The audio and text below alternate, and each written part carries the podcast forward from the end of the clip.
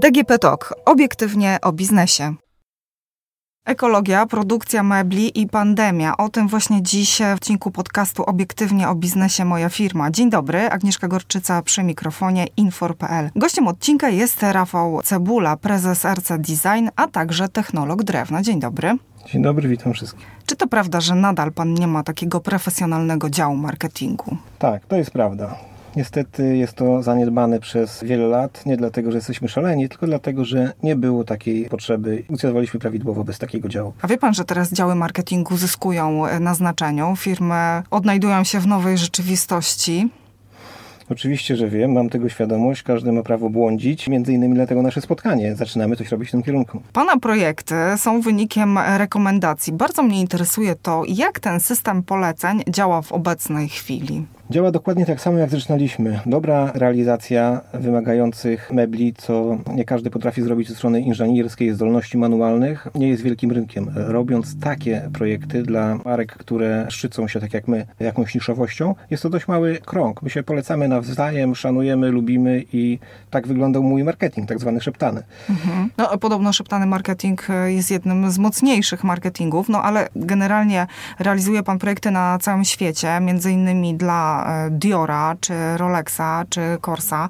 Jak w takim razie taki marketing szeptany działa w dobie pandemii? Jeśli chodzi o marketing szeptany, w dobie pandemii nie zmienia się nic. Jedyne co się zmienia to niektóre inwestycje są wstrzymane, robimy zdecydowanie mniej planów na przyszłość przez najbliższe kwartały na inwestycje w hotelach tam jest dość duże dodatkowe ryzyko inwestycyjne. No tutaj wiadomo, że liczą te pieniądze, nie wiedzą co ich czeka, tak, jeśli chodzi o branżę hotelową. Tak, to jest dość ważny dział w naszej e, działalności, właśnie meble dla hoteli, przede wszystkim lobby i części wspólne. No ale tu jest jedna wielka niewiadoma. Jeśli chodzi o marketing szeptany, nic się nie zmienia. Pandemia nie knebluje ludziom ust, e, dlatego że mają maseczki, tylko jest ryzyko biznesowe, inwestycyjne i tu czekamy, oczekujemy, patrzymy jak sytuacja się rozwinie.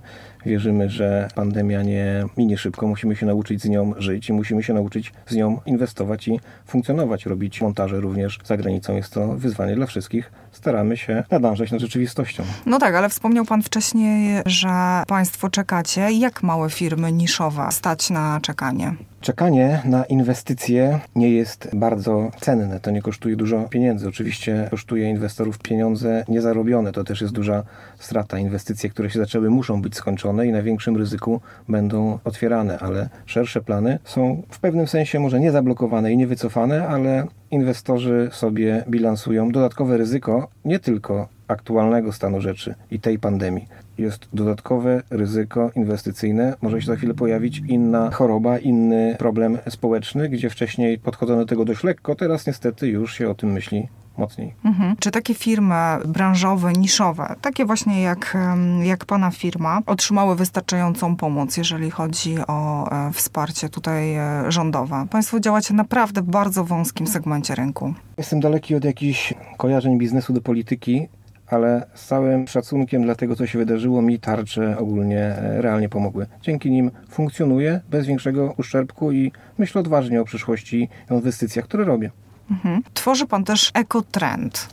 Zaczynał pan od stołu, dzisiaj rozmawiamy ekotrend. Stół jak najbardziej w ten trend się wpisuje, ale co to jest ekotrend, jeśli chodzi o branżę meblarską? Ekotrend to są moje marzenia jako młodego człowieka, chłopca. Jestem synem stolarza, mistrza stolarskiego, technikiem technologii drewna, stolarzem, robotnikiem wykwalifikowanym, technologiem technologii drewna, cały czas w meblarstwie. I, tak, i ja teraz dodam właśnie, że pan Rafał się rozgląda po naszym studiu nagraniowym. No i tak, i ten stół to chyba eko nie jest. Zdecydowanie nie. Takie mamy realia, taką mamy rzeczywistość. Każda branża powinna myśleć o tym, co może zrobić nie tylko dla siebie, dla swojego biznesu, żeby być bogatszym w pieniądze, ale co może zrobić dla komfortu życia, nie doraźnego, tylko mm, takiego na szerszą skalę, czyli używać i stosować materiały ekologiczne. Oczywiście transport, produkcja odzieży, wszystko są inne branże, gdzie ja tu nie mam kompetencji, żeby na ten temat mówić, ale czuję się kompetentny, żeby w swojej branży, w meblarstwie proponować materiały ekologiczne, stosować je nie dlatego, żeby komfort życia był niższy, nawet doraźny. To muszą być materiały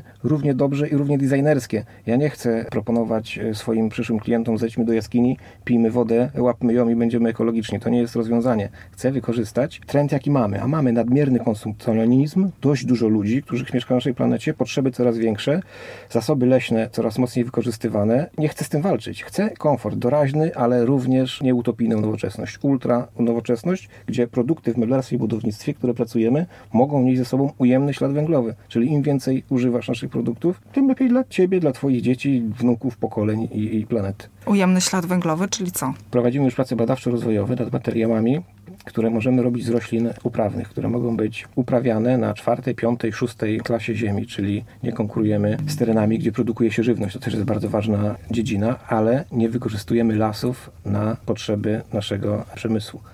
Te rośliny, dla przykładu, dają dużo więcej suchej masy z hektara. Las europejski daje 4 tony suchej masy z hektara rocznie.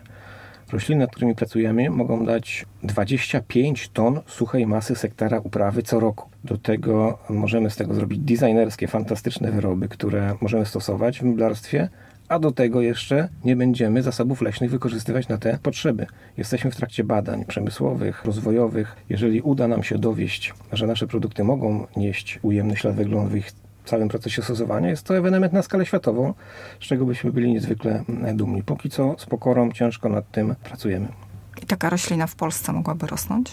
Oczywiście. Robimy cały biznesplan, całą agrotechnikę w projekcie, jak te rośliny uprawiać, jak je pozyskiwać, bo to jest niezwykle ważne, bo to nie, nie chcę tutaj robić drugiej płyty wiórowej z mobilonego drzewna chciałbym, żeby to były ultra ekologiczne materiały, również designerskie, czyli całe rośliny zaklejane ekologicznymi żywicami, na przykład z białek pochodzenia zwierzęcego czy roślinnego, żeby było widać, że na przykład ta płyta jest z konopi siewnej, albo z sorga, albo z miskantusów, czy cukrowych, czy, czy olbrzymich, żeby było widać charakter rośliny w tej płycie, razem zaklejone z wiechami, z liśćmi, żeby to było naprawdę bliskie natury, a żeby wykorzystanie suchej masy było możliwie jak największe. Czy rynek to kupi? Rynek na to czeka. Ja mam wiele rozmów z architektami, którzy tworzą koncepty dla światowych marek. Pytanie jest jedno: co możemy zrobić dla ekologii? Klienci tego potrzebują, architekci tego potrzebują. To był pierwszy trend sprzed 5-10 lat. Teraz to się zmienia. My tego potrzebujemy, my tego chcemy. Nie robimy tego dla klientów, dla wizerunku, dla to, żeby być fajnym eko, tylko my chcemy to robić. Realnie chcemy, potrzebujemy.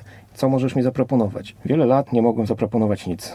Teraz mogę pójść do architekta z wyrobem bardzo ekologicznym w jednym ręku, w drugim ręku z płytą meblową zaklejoną papierkiem z żywicą melaminową, emisyjną, formaldehyd, pozyskanie surowca z lasów państwowych, powiedzieć co wybierasz. No, myślę, że ta rozmowa będzie bardzo łatwa i przyjemna. A jak to będzie wyglądało kosztowo w takim razie? Bo o pieniądzach też warto porozmawiać. Oczywiście, że warto. Nie chcemy robić mm, sztuki dla sztuki, czyli zrobić kolejne badania przemysłowe, prace rozwojowe, włożyć to w półki. Nikt tego nie kupi, a my będziemy dumni, że odkryliśmy świat na nowo. Chcemy zrobić wdrożenie przemysłowe, więc ceny muszą być porównywalne do aktualnych materiałów. Więc nasze drewno konopne, czy sorga, czy kompozyt drzewny tak zwany, nie może być zdecydowanie droższy od chociażby nawet polskiego dębu wysłuszonego w pierwszej klasie, gdzie nasze materiały będą miały podobne parametry, ale będą miały wiele innych zalet poza ekologią, typowo biznesowych, jeśli rozmawiamy o cenie. Będą bardziej jednorodne, bardziej przewidywalne, nie będą miały wad anatomicznych, będzie szybsza produkcja, będzie można łatwiej pozyskiwać asortymenty. Dużo, dużo plusów, dużo też pracy przed nami, żeby do takiego produktu doprowadzić, bo to nie są łatwe prace. A pytanie o trwałość takiego stołu z konopi. Pracujemy nad kilkoma roślinami. Oczywiście, jeśli chodzi o trwałość, tutaj znaczenie mają żywice, jakimi to zaklejamy, ciśnienie, w jakich to pracujemy. W tej chwili wiemy już, że stosując naprawdę ultra nowoczesne rozwiązania, te, które mogą nieść ujemny ślad węglowy, to są żywice bardzo ekologiczne. Niestety one jeszcze nie mają takich wytrzymałości jak żywice typowo chemiczne, jakieś świadolowe czy, czy inne stosowane, ale wystarczająco dobre, żeby w zamkniętym pomieszczeniu wilgotności powietrzno-suchej funkcjonowały tak długo jak drewno, a poza tym zawsze będzie można je przetworzyć. Tak samo jak drewno. Będzie można z tego zrobić e, biopaliwo, bo nie będzie zaklejane jakimiś chemicznymi rzeczami, które źle się spalają. Tak samo jak drewno. Ja nie chcę mówić, że używanie drewna z mądrej gospodarki leśnej jest nieekologiczne. Jest bardzo ekologiczne, ale ta gospodarka musi być mądra, a nie rabunkowa. W Polsce mamy bardzo fajną gospodarkę leśną i jestem dumny, że ona tak e, wygląda, tylko te zasoby się będą kurczyć. Potrzeby są coraz większe. Jeżeli mamy hektar ziemi i możemy tam mieć las 4 tony suchej masy rocznie, świetnie.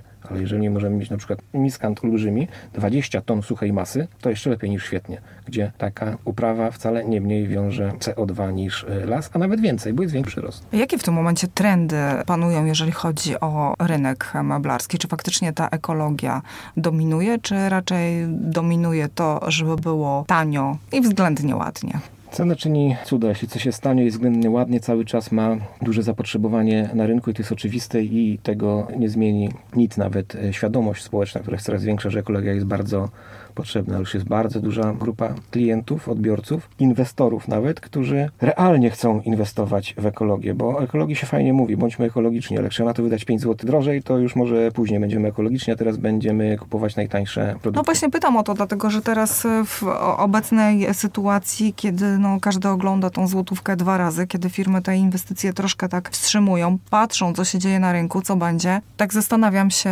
na, na ile decyzje o wyborze ekologicznych mebli są decyzjami powszechnymi. Czy to nie jest nadal produkt dla bogatego odbiorcy końcowego? Po to właśnie robimy nasze badania przemysłowe na szeroką skalę, żeby tak nie było. Ja wierzę i w mądrość ustawodawców, i mądrość ludzi. Ekologiczne materiały muszą być promowane i wierzę w to, że jeśli one będą nawet 10, 15 czy 20% droższe, a będą ekologicznie z certyfikatami i będą na rynku, to one będą kupowane. Ich teraz nie ma. Ich jest bardzo niewielka ilość. Jak są, to są bardzo drogie. Używamy oczywiście materiałów z bambusa, czy z konopi siewnej zaklejanych soją, bardzo ekologiczne rzeczy. Niestety nie są to polskie produkty, nie jest to polski know-how, jest to sprowadzane z oceanu i one są niestety bardzo drogie u nas w sprzedaży. Jeżeli damy alternatywę, która będzie cenowo podobna do drewna litego, bardzo wierzę w sukces biznesowy również w tej dziedzinie. To jeszcze na koniec e, zapytam pana, w związku z tym, e, że e, jest pan tak ukierunkowany na ten ekotrend w meblarstwie, pytanie prywatne, to musi pan mieć całe mieszkanie takie ekologiczne, drewniane. Niestety nie. O proszę. Nie ma takiej możliwości teraz, żeby były w 100% ekologiczne meble, bo nie ma na to surowców. Dlatego widzę tutaj nie tylko potrzebę ratowania naszej planety, nie chcę tu się podśmiewać i umarwiać, bo tak to wygląda, ale potrzebę rynkową. Nie ma takich produktów. Chcemy być pionierami, jesteśmy pionierami. Konkurujemy w tej chwili z pierwszymi pracami badawczymi w Australii, w Kanadzie, w Chinach, w Stanach. Bardzo dużo tam się dzieje i tam chylę im czoła.